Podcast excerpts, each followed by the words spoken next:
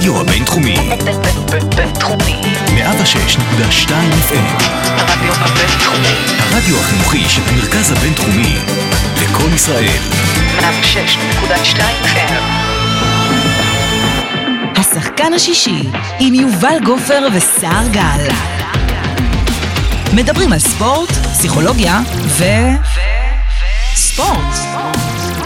שלום וצהריים טובים לכל המאזינים שלנו. אנחנו יובל גופר וסער גל. היי היי. איתכם בשחקן השישי, באים פה לדבר על אה, ספורט, פסיכולוגיה וספורט. וספורט, לדבר הרבה על ספורט וקצת על ההיבטים הפסיכולוגיים מאחוריו. והיום אנחנו הולכים לדבר על נושא שאני אני חושב שפחות מדברים עליו uh, בספורט, ובטח בפסיכולוגיה של הספורט, וזה להיות הורים לספורטאים. נכון. כן, זה באמת נושא שהוא ככה לא, לא מספיק, אה, לדעתי, לא מספיק מדובר. אה, כן מתעסקים בו, אבל בסוף אה, הורים הם מאוד מאוד משמעותיים בהתפתחות הספורטיבית של, של הילדים שלהם.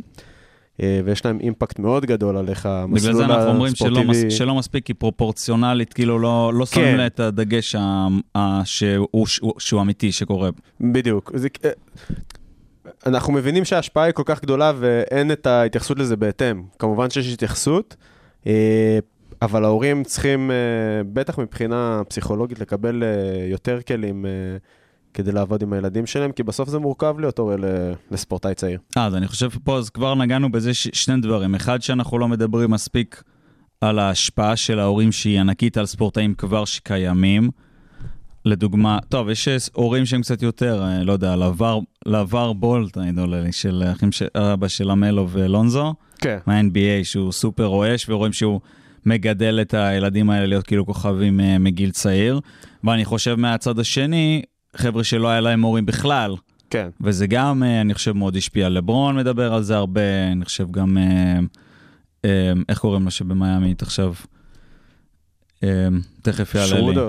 לא, שרודר, לא יודע, חייל ההורים מרייכמן, אבל...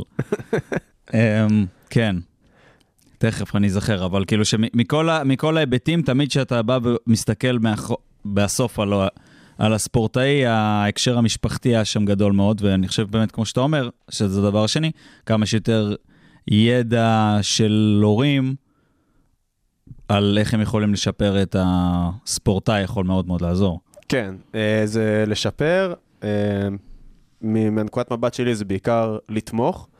אה, ובסוף יש פה איזשהו עניין מאוד מאוד מורכב. קודם כל, לגדל ספורטאי או ספורטאית בבית, אה, זה עניין לא פשוט גם מבחינת אה, השקעת זמן וגם מבחינה כספית. אה, ויש איזשהו לחץ מהבחינה הזאת שמופעל על ההורים, כי אני נגיד, אה, כשאני הולך לקבוצות שאני עובד איתן היום, אה, בכל אימון יש לפחות איזה הורה או שניים שכזה בפלאפון באוטו, כי הם מחכים שהילד יסיים את האימון. אה, יש נגיד... אה, כאילו, לעומת להיות שם ולהיות מעורבים וטה-טה-טה. לא, דווקא מבחינת זאת שמשקיעים זמן. אה, שהם שם שהם כל הזמן. שם כל הזמן. זה, זה, זה ממש לעבוד בלטפח את הקריירה של הילד שלך. ואז צריך, אה, לדוגמה, להבין איפה הציפיות עוברות, כי אם אני משקיע בילד משהו, אז זה יכול להפעיל עליו לחץ, אנחנו תכף נדבר על זה, ל, ל, ל, ל, כאילו, to deliver, יאללה, לספק את הסחורה. אז בוא נדבר על זה. סבבה, אז בוא נדבר על זה.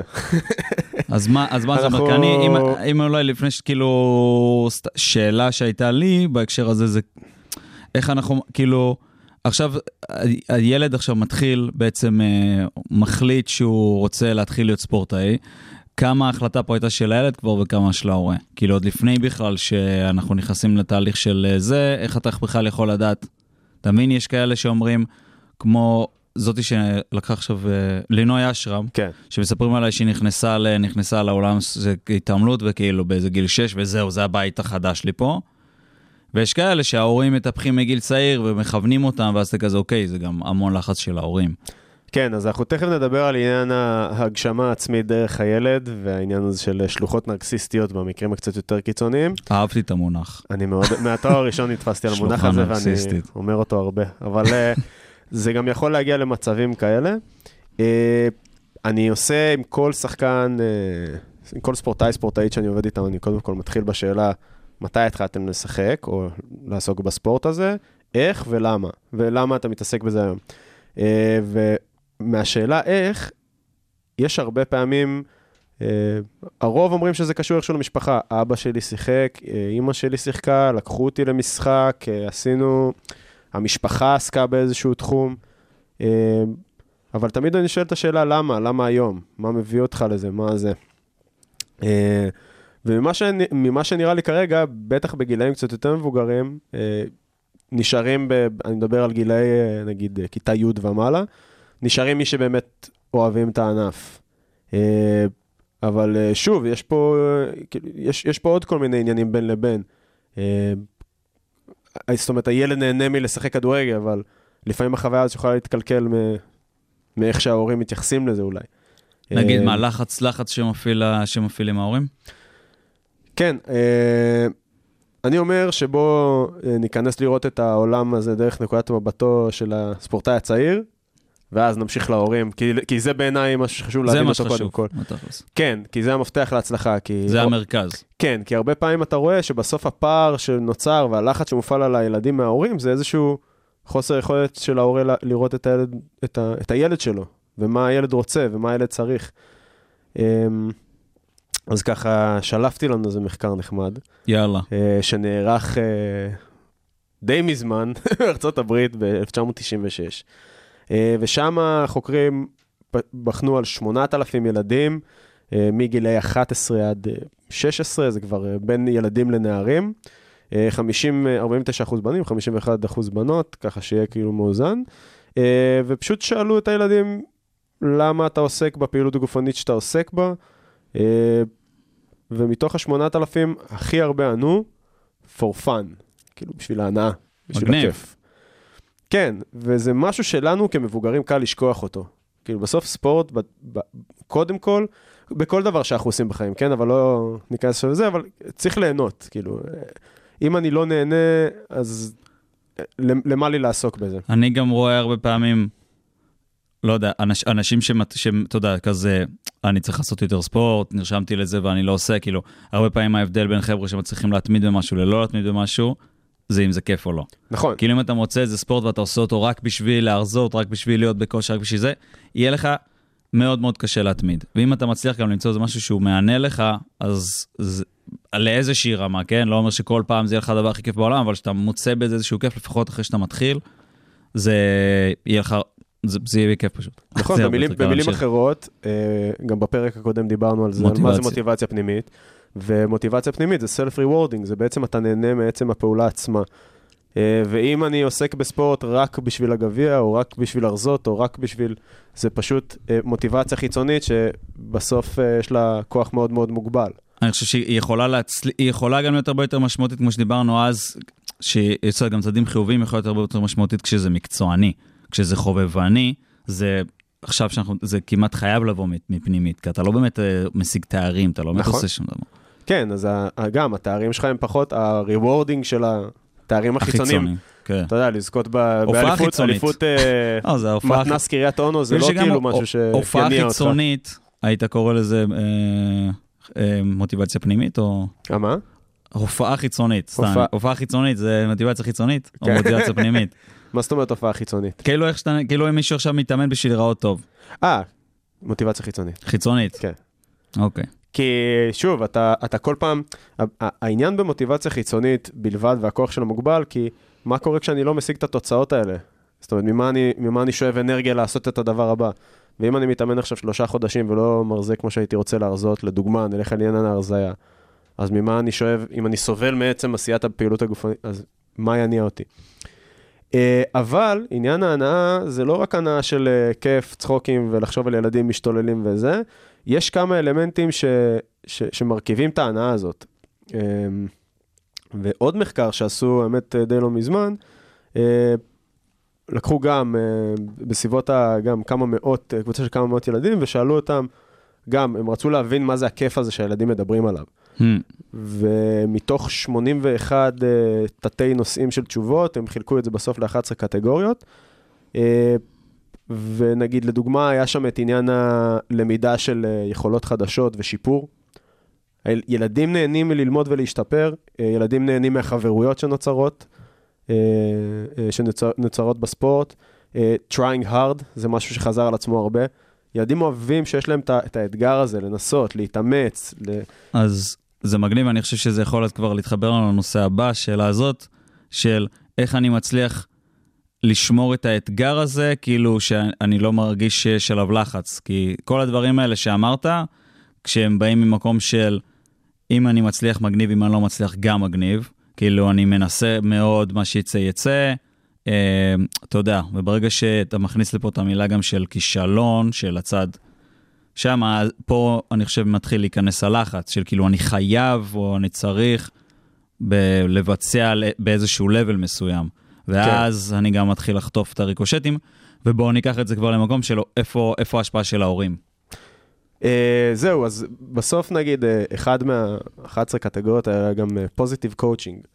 Uh, וזה גם קשור ל positive parenting, אנחנו uh, גם לזה עוד רגע נגיע, אבל uh, בסוף השאלה היא איך אתה מקבל את מה שעובר על הילד, כי חלק אינטגרלי מספורט זה כישלונות. Uh, לא, לא כולם מנצחים בכל התחרויות, וזה חלק מה, מהתהליך שכל ספורטאי עובר, uh, בטח בגילאים קטנים. Uh, צריך לכוון את הילדים ובני הנוער להבין שכל ההתמודדות עם הכישלונות שלהם עכשיו, בגילאי, במחלקות הנוער, זה חלק ממה שהם צריכים ללמוד. זה כמו ללכת לאוניברסיטה ולחשוב שרק הציון או מה שאתה קורא על הנייר זה מה שיפתח אותך, זה לא ככה. Hmm. כסטודנט אתה לומד מה זה לשבת שעות מול מחשב, ומה זה להיות מתוסכל, ומה זה לקום בבוקר ולעבוד קשה ולעבוד עם רוטינה. זה דברים שאנחנו פשוט נוטים להתעלם מהם, שהם גם מפתחים אותנו למקצוע. אה, היכולת שלי להתנסח בכתב ובעל פה, אלה skills שהרבה פעמים מתעלמים מהם. שה skills אה. של התמודדות עם כישלון הוא קריטי. ה skill הזה הוא קריטי. עכשיו, אם אני שזה כל... מצחיק, ברגע, אם אתה מבין את זה לעומק זה קצת כמו cheat כזה. ב... זה, זה, זה לגמרי cheat. שהכל טוב. כן, כי אז אתה מבין שהכל בסדר. עכשיו, זה לא אומר שאני לא מתוסכל אחרי שאני מפסיד. אני יושב על, שח... על אה, ספסלים עם ה... על הספסל עם הקבוצות שאני מלווה, אה, ומדבר עם הספורטאים, ווואלה, כשהם מפסידים זה... תסכל. כן, זה מבאס. זה מבאס. אבל מצד שני, ומשהו שגם חשוב להבין, גם להורים וגם למאמנים, זה כמו, הם צריכים לשמש כמו אה, הסטיב ג'ובס של החברה, סתם, אה, כמו, אז- כמו, כמו זה שמחזיק את החזון של החברה. אני יודע להסתכל עליך עוד שנים קדימה. אני לא אכפת לי שעכשיו הפסדת, אני יודע להסתכל, להחזיק בשבילך את ה image הזה שנים קדימה, Hmm. בשביל לדעת שאתה תהיה בסדר. מה שאתה עובר עכשיו, זה, זה בסדר, זה כמו, כמו בשוק ההון, מניה שעולה, יורדת, עולה, יורדת. אז זה אומר שזה מה- משהו שגם אצל ההורה חייב להיות הבנה, שה- שההפסדים האלה זה דבר, זה יכול להיות חיובי. כן. ה- שזה בטח גם רואים הפוך, רואים בטח הרבה הורים ש... כן, רואים הרבה הורים ש... שוב, זה מאוד מאוד תלוי ב... ביחס של ההורה לילד, או נגיד יותר נכון, ביחס של ההורה לקריירה הספורטיבית של הילד. אה, וכשהורים מנסים להגשים את עצמם דרך הילדים, שם קורות ה... אה, שם זה המקום הטיפה יותר נפיץ מבחינת ה... אז בואו נדבר על זה רגע, מה זה אומר? כשהילד שלי, אה, נגיד שהורה שולח את הילד שלו לאיזשהו ענף ספורט מסוים, נגיד גם אם זה ענף ספורט, ההורה היה שחקן כדורסל, אה, זופר עבדיה, סבבה? זופי. זופי. רוצה ילד הולך NBA. בן שלי ב-NBA. לקח את דני לשחק כדורסל, דני נורא נהנה. עכשיו, אני לא יודע מה טיב היחסים ביניהם, כן? אבל נגיד ש... זו- זופר בתור, טוב, זופר היה שחקן כדורסל לזה, אבל אה, קח לדוגמה איזשהו הורה שלא הצליח בקריירה שלו כשחקן כדורסל, ובאופן אה, חבוי, פעם, חבוי אבל- בליבו, אה, רוצה, רוצה להגשים את החלום שלו דרך הילד. מה, יש הרבה שחקנים עכשיו שעולה לי, לא יודע, גם, גם אה, שתי הספלאש, כאילו גם, גם סטף קבר, גם קליי תומפסון, אני חושב ההורים שלהם היו שחקנים, אבל שחקנים כן. טובים. קח נגיד את אה, יעקב בוזגלו. קלאסה. כן, קצת, אה, כאילו קצת קלאסה המקרה- לא קלאסה, כן. קלאסי. מקרה קלאסי. אחות קלאסה. כן, אבל ברגע שאתה מנסה. שאתה מנסה להגשים את עצמך דרך הילד, או לחיות את החלום שלו, או שחקן עבר שמנסה להמשיך לחיות את החלום, זה אומר שאתה רואה את טובתך האישית לפני טובת הילד, ברוב המקרים. כי בסוף, אם אתה רוצה להגשים חלום שלך, והוא איכשהו לא מגיע להגשים את החלום הזה, כן, הרבה אני- פעמים אתה מתנה את האהבה ואת האהדה שלך לילד בהצלחות שלו אני בספורט, לגמרי, לא הוא אני פוגע בחלום לגמרי שלך. מבין מה אתה אומר, זה פשוט גבול מאוד דק, יש גם הרבה דוגמאות הפוכות, כאילו, אתה יודע, שההורים נהנו לעשות את זה עם הילד שלהם, וראו איזה כיף היה להם, ורוצים גם, כמו הדוגמאות עכשיו שנתתי של הורים שהלך להם טוב, ופשוט, אתה יודע, לא יודע, אולי, אולי ילד יתאהב בספורט כי זה מה שהוא עשה עם אבא שלו כשהוא היה קטן, זה ברור. ועכשיו זה מדהים. זה ברור, ואנחנו הרבה פעמים גם נמשכים לדברים שאוהבים, שההורים שלנו אוהבים. כן. אה, בין אם או זה... דני מ- אבדיה, גם אני כן, חושב. כאילו, אני- בסוף אני לא- הוא... אין- אין- זה לא אומר שאם ההורה עשה את זה, או ההורה איכשהו דחף את הילד לזה, זה לא טוב. זה ממש לא ככה. היית אומר שהגבול תמיד- זה אם אני מסתכל על טובת הילד או על. טובתי שלי. תמיד זו שאלה של האם ההורה מסתכל קודם כל על טובתו ורואה את הדברים מהעיניים שלו או מהעיניים של הילד. אה, שוב, מאוד לגיטימי שילד יעשה, אם אימא שלי שיחקה כדורסל, הייתי משחק איתה כדורסל. אני יצאתי די, בגלל זה היום די אתה משחק נמוך, כמו זה לא... ילדה. סתם, כן, סתם, סתם. בגלל זה אני די אמא. שלך תכעס עלייך, אה? זה הבדיחה הזאת. לא, אמא שלי לא יכולה לכעוס עליך. אתה כמו בן בשבילה, אני כמו בת בשבילה. כמו בת בשבילה. אמ, אז אה, שוב, זה לגיטימי, וזה לגיטימי כמו לדחוף את הבן שלו הילד. היה לעולם. סתם, סתם, סתם. זה מאוד לגיטימי לדחוף את הילד לעסוק בספורט, זה מאוד לגיטימי לעזור לו, אה, גם אתה יודע, לעשות לו סשנים של לקום מוקדם בבוקר ולהתאמן ולעבוד איתו על ענייני הקשיחות, ההשקעה והתמדה, זה מעולה, אבל ברגע שלא רואים את טובת הילד, לא שואלים מה הוא צריך, לא שואלים אותו אם הוא בסדר, לא, כאילו יש עוד כל מיני זה, אבל אז לא. מה ההורה יכול לעשות? בוא נגיע לחלק אולי בעצם הכי חשוב של הפרק. אה, בוא נתחיל ממה כדאי להורה לא לעשות. יאללה, גם טוב. טוב. נראה לי- לא פחות חשוב. למה? יש הרבה שעושים אה, טעויות. כן, אז זה- בוא נתחיל ממה לא לעשות. חלק שנכתב בדם, בבקשה. אז אה, אחלה, הבאתי שני מאמרים של מה לא לעשות ושתיים של מה כן לעשות. על הנוס- על הד- על הדבר הראשון של מה לא לעשות, אנחנו נשאיר בחוץ wink wink. wink wink. סתם. אנחנו נשאיר לבית משפט. מה עוד? אה, סביבה שמעודדת תחרותיות יתר אה, ומוכוונת תוצאות, גורמת להישענות יתר על השוואה חברתית, צורך להפגין עליונות ודגש על הצורך בחיזוקים חיצוניים ופידבק.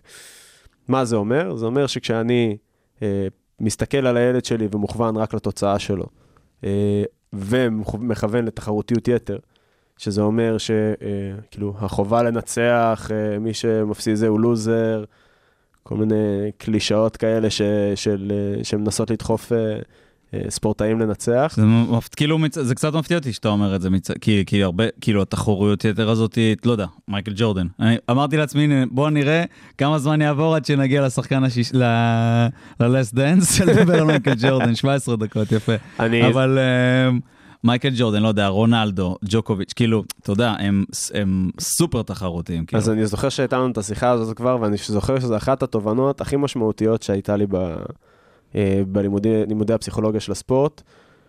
אם אתה לוקח את, את ההתפלגות הנורמלית של ספורטאים בעולם, והולך על הקצה, הסטיית תקן, ה- ש- ש- שלוש סטיות תקן מהמרכז, אתה מוצא את ג'וקוביץ', נדל, פדרר, אה, אה, ג'ורדן, מסי, רונלדו וספורטאים כאלה. אלה ספורטאים שקודם כל לא אצל כולם מהבחינה, מבחינה משפחתית הכל היה סבבה. אפילו ממש לא, רונלדו. נגיד, כן, יש, יש סיפורים מזה. ואנחנו מנסים להסתכל פה על, על הספורטאים, ב, אה, כאילו, מה- מהחציון אה, והלאה, למעלה, כאילו. נכון, הספורטאים- האמת זה כמו שאומרים אה, שאיינשטיין לא הלך לאוניברסיטה, אז לא צריך ללכת לאוניברסיטה. אחי, הבן שלכם לא איינשטיין, בואו. בדיוק, זה, אז. אז אנחנו צריכים, אז את זה צריך להבין, וזו נקודת המוצא שאני יוצא ממנה. אני גם יוצא מנקודת הנחה שרוב הספורטאים שאני עובד איתם היום בקבוצות, אני מניח ש-50% מהם כבר אה, יפרשו מספורט בזמן הצבא, ואני רוצה שהספורט יהיה להם איזשהו אימפקט חיובי על החיים שלהם. Hmm. אה, וה-50% האחרים, כנראה מתוכם איזשהו, הרוב יישארו בספורט חצי מקצועני, ואיזשהו נתח קטן מהחבר'ה שם באמת יגיע לליגות הבכירות, ואולי אפילו יפתח קריירה מחוץ לישראל. אז כשאנחנו אנחנו מדברים רוצים- עם הורים, אנחנו צריכים ליצור איזושהי נורמה שתהיה בריאה לכולם.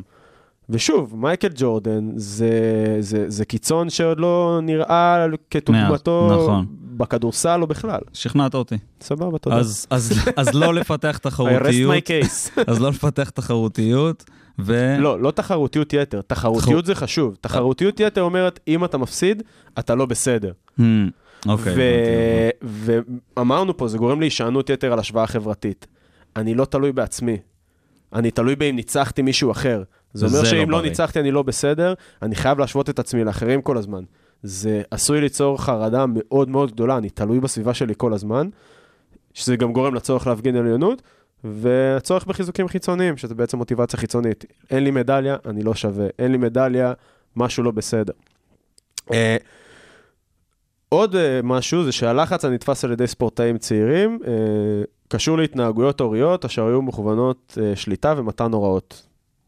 עכשיו, אנחנו, אני עוד רגע אתן דוגמה שקצת סותרת את זה, אבל המשמעות היא פה, היא כזאת. אם הורה מתנהל עם הילד שלו רק במתן הוראות ושליטה בחיים שלו, זה מעלה או עשוי להעלות בצורה משמעותית את רמות הלחץ שהוא חווה. כאילו שהילד יהיה זה שבוחר, כי יעני מה לעשות, אתה מתכוון, שלא ההורה יהיה זה שבוחר לא, מה פשוט- לעשות כל הזמן? לא, שהשיח בין ההורה לילד לא יהיה רק של שליטה ומתן הוראות. אוקיי. לא רק תעשה למה לא עשית, אתה לא הולך, אתה הולך לישון עכשיו, אתה הולך... צריך להיות איזשהו שיח שהוא פתוח. ושוב, אנחנו תמיד מדברים על דוגמה, איזונים. עוד- מה שלומך? איך אתה מרגיש? נהנית מהמשחק אתמול? נהנית מהאימון? איך אתה מרגיש בקבוצה הזאת? יותר שאלות. תן לי משהו כן. לשימור ולשיפור. אמ, יש משהו שאני יכול לעזור לך? יש משהו שאתה צריך כדי להרגיש יותר טוב? פלוס שאלות ופחות... גם, או כן. מעשים, או יאללה, אני רואה שהיה לך יום לא טוב, בואו נלך לאכול פיצה. כאילו, צריך לראות את הילד בסוף.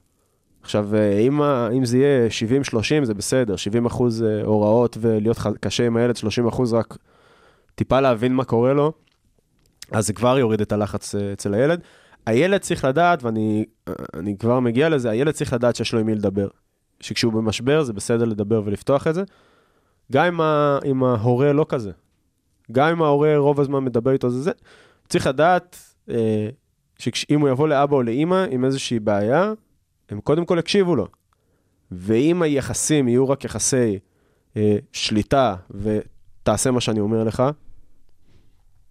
זה יוצר תחושת מצוקה אצל הילד. שזה אני חושב גם נטייה בכלליות של הרבה פעמים שבאים ומספרים איזושהי, איזה משהו, משהו שקרה וישר יש נטייה להאשים או בדיוק. כאילו לשים את האחריות על הילד. בדיוק.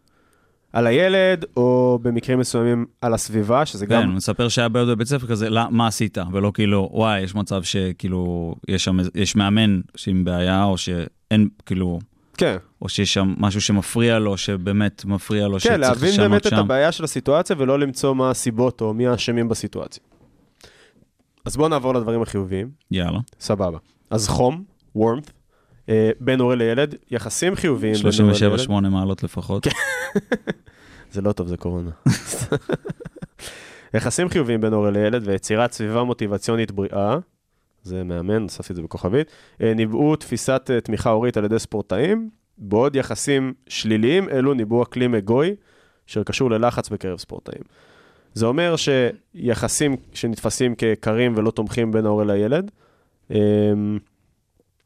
גורמים ל- ללחץ והתנהגות אגואית, אבל אה, יחסים חמים נתפסים כהורה, כ- כזה שההורה תומך בי, אה, ומפחיתים לחץ והתנהגות אגואית, מאפשרים יותר אה, התנהגות קבוצתית, ומאפשרות לילד להסתכל פחות על עצמו בתוך הקבוצה. שזה גם מאוד מאוד חשוב. והדבר האחרון, מתוך אה, שלושה סוגי הורות, סמכותני, שזה שזה- הסמכות שדיברנו שזה עליה. דיקטטורי בערך, אוקיי. סמכותי, שזה באמצע, אה, ומתירני, שזה... אני איתך, תעשה מה שאתה רוצה. לא, לא, אני גם לא איתך. גם לא איתך, אתה תעשה, מה- אתה לא מעניין אותי, ת- כאילו, לא אכפת לי. אה, נמצא כי סגנון הורות סמכותי, שזה האמצעי, אה, הוא לקשר הגבוה- ביותר להתמדה בביצוע פעילות גופנית. אז מה ההבדל בין סמכותי לסמכותני? סבבה, אז הפרמטרים של שניהם זה acceptance ו control. אז סמכותני הוא גבוה ב control ואפס ב acceptance, סתם לא אפס, אבל נמוך מאוד ב acceptance. מתירני, גבוה מאוד ב acceptance, נמוך מאוד ב control, וסמכותי הוא איפשהו באמצע. אז... surprise, surprise, האיזון ניצח. כן, הכל בחיים זה איזון. כן, באמת. לא, אבל שוב, אנחנו מפרקים את זה נכון. עכשיו לדברים שהם מאוד מאוד ברורים. כן. אם אני, acceptance זה. לקבל את מה שעובר לילד, לקבל את ההתנהגות שלו, לקבל את התוצאות שלו, אבל גם להיות ב control, על להגיד לו מה לעשות. בסוף ההורה אה, הוא דמות, אה, הוא מהווה דמות של מנטור, ככה או ככה. הילד צריך את ההנחיה הזאת, הילד צריך את ההורה כדי לבוא אליו עם בעיה, ושההורה יעזור להיות ה processor של לעבד ביחד איתו את הבעיה, לעבד בעין, אה, בשביל לקבל את התובנה לפעם הבאה שהוא יתמודד איתה. אה, המאמן לא העלה אותי למגרש. ואפשר לדחוף קדימה, אפשר לדחוף למצוינות, לתחרותיות, זה אגב, צריך. אחלה, אחלה, זה אחלה. זה אחלה וצריך, אבל גם צריך מדי פעם לעצור ולשאול את הילד מה שלמה, ו... וגם להדגיש לו אחת לכמה זמן. גם אם, להגיד לו, גם אם אתה רואה שאני צועק, גם אם אתה רואה שאני משתולל, גם אם אתה רואה שאני עצוב אחרי הפסד. באחת השיחות עם ההורים של אחת הקבוצות שאני עובד איתן, אימא שאלה אותי, מה, אני צריכה להסתיר את הרגשות שלי מהילד? אני עצובה כשהוא מפסיד. אמרתי לה, לא, ברור שלא, הילד, הילד רואה אותך, אבל הילד שלך צריך להבין, והילד לומד מאיתנו להבין שזה בסדר להיות עצוב, אבל שהכל בסדר. כאילו, כן, אני עצ... זה- להגיד לו, אני עצובה, באסה לי שהפסדת. מחר נקום אבל חדש. כן, אבל אנחנו, אבל יש לנו עוד עונה ארוכה, הכל בסדר, אתה היית בסדר. אני אומר להפך, וזהו. אפילו אם הוא רואה את זה, זה אומר, זה גם יהיה לו סבבה להיות עצוב, הוא רואה שזה בסדר. בדיוק, ה- ה- ה- הילדים מקבלים את הלגיטימציה דרך ההורים להתנהגויות שלהם. אם אני כהורה ישר אחפש את מי להאשים על ההפסד הזה, כי, לא, כי אני לא מצליח לסבול את, את אי הנוחות שנוצרת לי בעקבות זה שאני רואה את הילד שלי סובל, אז גם הילד ידע שהוא ילמד שהוא צריך להשליך את זה החוצה. המאמן חרא, וזה חרא, וזה מניאק, וזה, כאילו, זה מה שהילד לומד בסוף. תנו לו חיבוק, ואז צ'פחה כזה מאחורה עם היד בעורף. כן, כזה. מקל, מקל וגזר.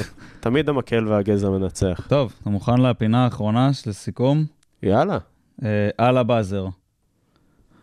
פינת עם ש- שאלה מפתיעה לסער, בואו נראה אם הוא ידע את התשובה. טוב, אז יש פה כמה אני שאלות. כנראה לא יודע את התשובה כמו שאני מכיר את ה... לא, האמת שעכשיו אין פה כל כך נכון או לא נכון, תכלס קצת יש. אבל אמ, יש פה שאלות אמריקאיות, ונראה מה תגיד. אוקיי, שאלה ראשונה. הבן שלך חוזר הביתה אחרי הפסד, מה אתה עושה?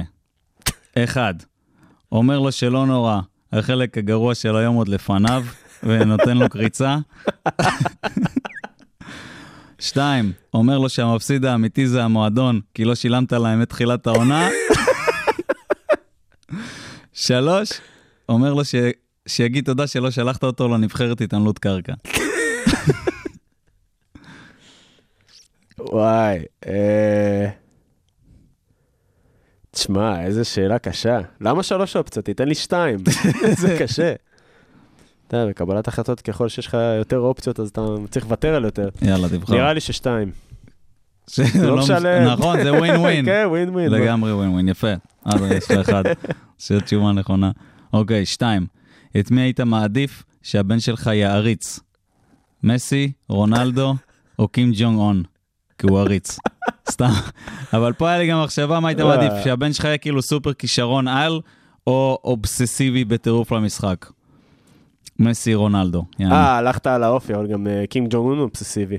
קים ג'ונג און, סתם אם הוא בא לך שהוא יעריץ עריץ. אה, אה, אם הוא רוצה להיות עריץ בעצמו יום אחד, והוא רוצה נכון. שקים ג'ונג און יהיה אנחנו המודל יכולים לחיקוי לתמוך שלו. ולחבק ולשאול מה הוא מרגיש. אני כהורה אני אתמוך ואני אחבק, ואני אשאל אותו מה הוא צריך כדי להיות עריץ יותר טוב. נהדר. אוקיי, שאלה שלישית. אצל מי היית מעדיף שהבן שלך יתאמן? ניר קלינגר, קומן, או אבא של חביב נוגמוגודייב? נורמגמדוב. אה, נו, מג- זה לא לא משנה, כן, יודעים למי אני מתכוון. כולם יודעים, למ- למחבק הדובים. אה, וואי, אני, אני לא יודע, כולם נשמעים לי נוראים. אה. סתם, לא, לא. אה, עם כולם זה ייגמר בבעיטה אצל- בראש. אצל קומן לא הייתי רוצה. אה, יאללה, אצל קלינגר. אצל קלינגר, אני גם אוהד הפועל, אז יאללה, אצל קלינגר. אשכרה, סבבה. אוקיי, ושאלה אחרונה, נשאר לנו בדיוק עוד דקה. איזה ספורט היית רוצה שהבן שלך ישחק? אחד, מתדור, לוחם שברים. כן. שתיים, אכילת נקניקיות. שלוש, דמקה. וואו. אוקיי, מתדור בטוח לא. אה, הורגים שברים. הדבר האחרון שהייתי רוצה זה... אפילו שזה הכי ספורטיבי משלושתם, דרך אגב, בגלל זה זה קשה. אה, לא, ועדיין לא. לא זה.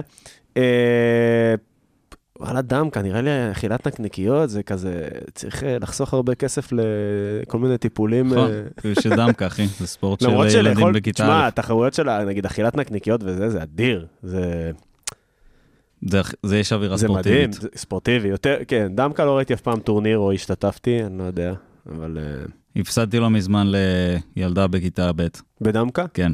לא יודע, זה נראה לי משחק רנדומלי מדי כזה, לא? שאני לא. פשוט לא... כן, או שאני. רנדומלי כי אני לא יודע. טוב, זהו, הגענו, בדיוק חצי שעה. תודה רבה שהאזנתם. תודה רבה לכולם. היה. מעניין, תודה רבה יובל.